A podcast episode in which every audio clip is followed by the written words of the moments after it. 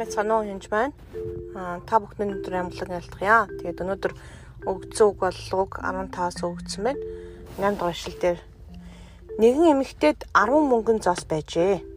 Гэт тэр хүнд зоос нь байсан гэсэн үг. Огт байхгүй мэ хайгаагүй байсан гэсэн үг. 10 мөнгөн зоос. Тэр нэг зоосоо алдчихвал дэнлүүгээ асан гэрээ шүүрдэн өнөөхөө олдлоо ихэд шаргуу хайхгүй гэж юу. Тэр нэг зоосоо харангууд алдчихсан. Тэг ягаад гэвэл дэнлүүг асууж байгаа. Гэрээ шүрдэж өнөөхөө олох гэж байгаа. Хайж байгаа.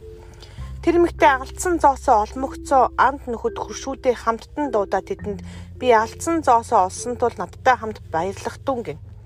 Тэр үн цэнтэй юм алдсан байгааз надад 9 байгаа юм чинь нэг явахтай алга болвол болж л байг гэж хэлээгүү та үнэхээр 10 сая доллартай байж байгаад 1 сая доллар ч алга болчвол 1 сая доллар ч их мөнгө шүү дээ гэд хайж болно. Би та нарт хэлье. Мөн үүний адил нэг нүгэлтэн гимшвэл Бурхны Тэнгэр илч дарын оршихуд баяр хөөр болно гэв.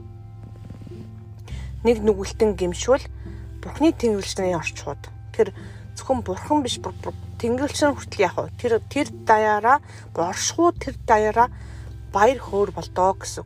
Нэг хүн гимшгэд. Тэгэхээр энийг хэрэг гимж нэг хүн гимшин гэж юу гэсэн үг юм бэ? гэдгийг тайлбар tolerance amplified орчуулах юм бол ингэж хэлж байгаа. Өөрийн дотоод хүнээ өөрчилж хуучин муу бодлуудаасаа иргэн өнгөрсөн гим нүгэлдээ гашуудаж орхиод тэр гимшил дуудсан дэр амьдралаар амьдрах буюу гимээ орхиод эргээд тэгээд бурхны зорилгын түүний амьдралд юу болохыг мэдэн хайн амьдрахыг хэлнэ гэж. Тэгэхээр тэр хүн зөвхөн би уучлаарай би гим үүсэн аяг хагалцсан шүү sorry уучлаарай гэл дахин дахин хийгээд юм биш. Хуучин гим нүглээ хийхэ болоод бүр зүрх сэтгэлдээ оюун ботлоо дотор хүний өөрчилж байгаа. Хэрвээ тэрийг хийхэ болж байгаа хэрэг завхаарчсан бол завхаархаа болно гэсэн үг. Эн чинь буруу юм биш үү? Би нэглийг дахиж хийж болохгүй. Хүн зодчдаг, эхнэр зодчдаг байсан бол тэрийгэ болохгүй. Эн чинь буруу эмгтэй хүн. Юу н ямар ч хүнийг зодож дээрлэх нь буруу. Үнэхээр дайн тулаанаа дээр л яваал тэр одоо цэргийн тушаалын дагуу хийгээгүй бол аа тэр нь буруу. Тэг өөрийнхөө хүслийн дагуу хулгай хийх нь бас юу лээ? Буруу тэр бүх зүйлээ орхино гэсэн үг. Тэгээ энэ нь алдагдсан байсан юм аа. Нэгсэндээ энд байгаа тэр зоосыг тухайн хүнд байж байгаа. Тэр тухайн хүн магадгүй итгэгч байжгаад гим нүгэл рүү унаад алга болчихж байгаа харанхуй лу. Тэр үед яадаг вэ? Хайдаг байх нь. Тэгэхээр эзэн хайхын тулд бүх боломж дарах хэмжээг авдаг. Хүн явуулдаг. Аа түүнчлэн өөрөө бас хайдаг янз бүрийн байдлаар хайдаг.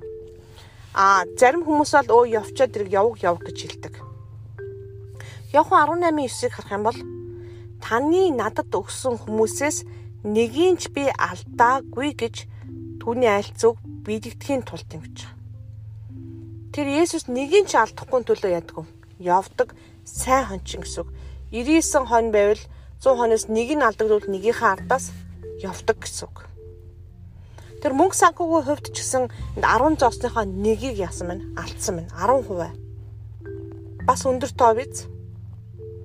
Тэгэхээр сүм чуулган ч юм уу хин нэгэн чинь 10% нь алга болчих юм бол яагаад вэ гэдгийг хайж болох хэрэгтэй. Хайж шүрдцгэнэ гэсэн үг. Ардаас нь явна гэсэн үг.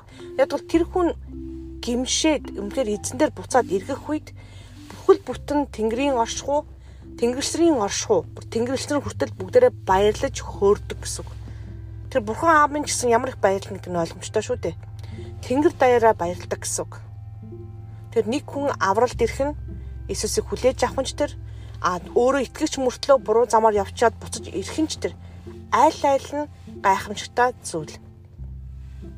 Тийм болохоор хин нэгэн гим нүгэлд явж байгаа юм бол та үнэхээр тэр эмгтэй шиг шүүрдэж хайж гэрэл гарган ардаас нь гүйцэлтнө гэсэн үг. Ихэнх тохиолдолд тэр хүмүүс гэрэл төрдөггүй. харанхууд л төрдөг. А яг хөө нэг сүмээс нэг сүм ч юм уу гад одоо гэдгийг нэг найз нөхрөөс нөгөө газар руу нүүсэн явсан тэр тохиолдол эхлэег угаас энд алдагдсан гэж хэлж байгаа. Харанхууд алдагдсан тухай ярьж байгаа шүү. Тэгэхээр та бүхэн бас болгоомжтой уншаараа. Тэгээд үнэхээр эзний оршихуу та бүгдийн дээр байх болтугай. Тэгээд алдагдсан хүмүүсийг олоход зөвхөн тэнгэрч үлдгүү бас бид нар хүртэл баярлдаг байгаа. Тэгээд тэр хүмүүстэй хамт баярлаараа. Ширээ төрө хамт суугаараа гэж хэлж байна.